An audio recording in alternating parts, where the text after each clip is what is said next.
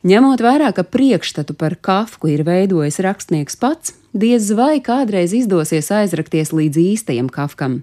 Nemierīgs dienas grāmatu rakstītājs, garu, ciešanu pilnu vēstuļu autors, ir tikpat lielā mērā īstais Kafka kā augstas raudzes profesionālis, arī aizrautīgs sportists, amatieris un rakstnieks, kurš reizēm apmaldījās savos romānos un stāstos.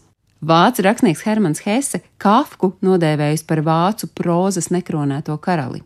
Kafkas paškritiskā attieksme nereti robežojās ar apmātību. Spriežot pēc vēstulēm un dienas grāmatu ierakstiem, var secināt, ka viņš daudz domājis par savu dzīvi un to, kāpēc tā nav izdevusies kā cerēts un tas netieši atspoguļojas arī viņa daļradē.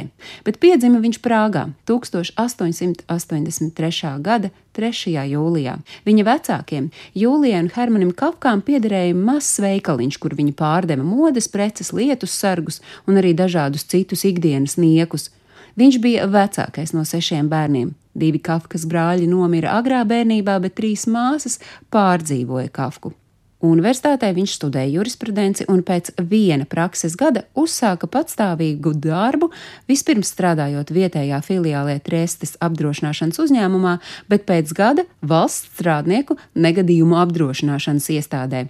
Tur viņa darba pienākumos ietilpa ne tikai sūdzību izskatīšana, bet arī iespējamo negadījumu novēršana un rūpnīcu apmeklējumu, lai pārbaudītu iekārtu un drošības noteikumu ievērošanu bet brīvajā laikā viņš rakstīja stāstus, ko publicēja žurnālos vai arī izdeva mazos sējumos.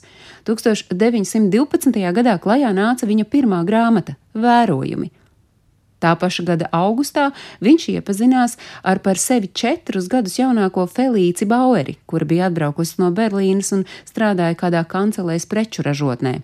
Abu attiecības, ieskaitot divas sadarināšanās, galvenokārt nodrošināja sarakste. Abi satikās tikai 17 reižu, un pats ilgākais kopā pavadītais laiks bija desmit dienas, kad abi bija apmetušies kādā viesnīcā.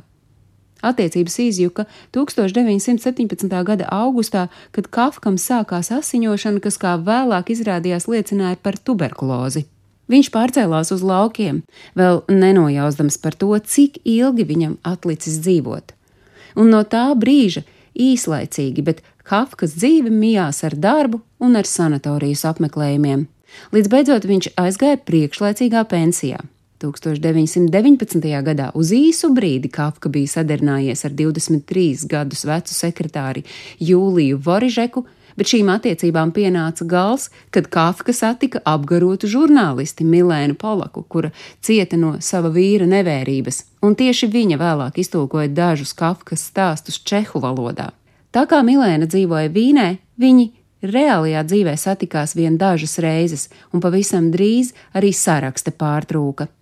Divus gadus vēlāk Kafka beidzot pameta Prāgu un apmetās uz dzīvi Berlīnē, kopā ar Doru Diamantu, jaunu sievieti, kura bija aizbēgusi no savas stingri ortodoksālās ebreju ģimenes polijā. Tomēr tolaik Kafkas veselības stāvoklis strauji pasliktinājās.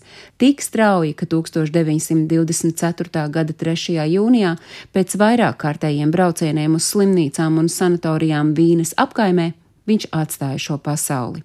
Kafkas dzīves laikā tika izdotas septiņas nelielas grāmatas, Viņš atstājis arī trīs nepabeigtus romānus un neskaitāmas piezīmju grāmatiņas un dienas grāmatas, kuras lasītājus sasniegušas tikai tāpēc, ka viņa draugs Maks Brods savulaik neizpildīja Kafkas lūgumu un tās nesadedzināja. Raugi īsi pirms nāves Frants Kafka bija lūdzis savu draugu, lai viņš sadedzina visus vēl nepublicētos darbus un neļauj atkārtot izdot jau publicētos. Taču šo pirmsnāves lūgumu neievēroja. Un labi, ka tā. Tieši šie saglabātie materiāli veicināja Kafkas kultūras ikonas rašanos, stāstīja Agnese Drunka.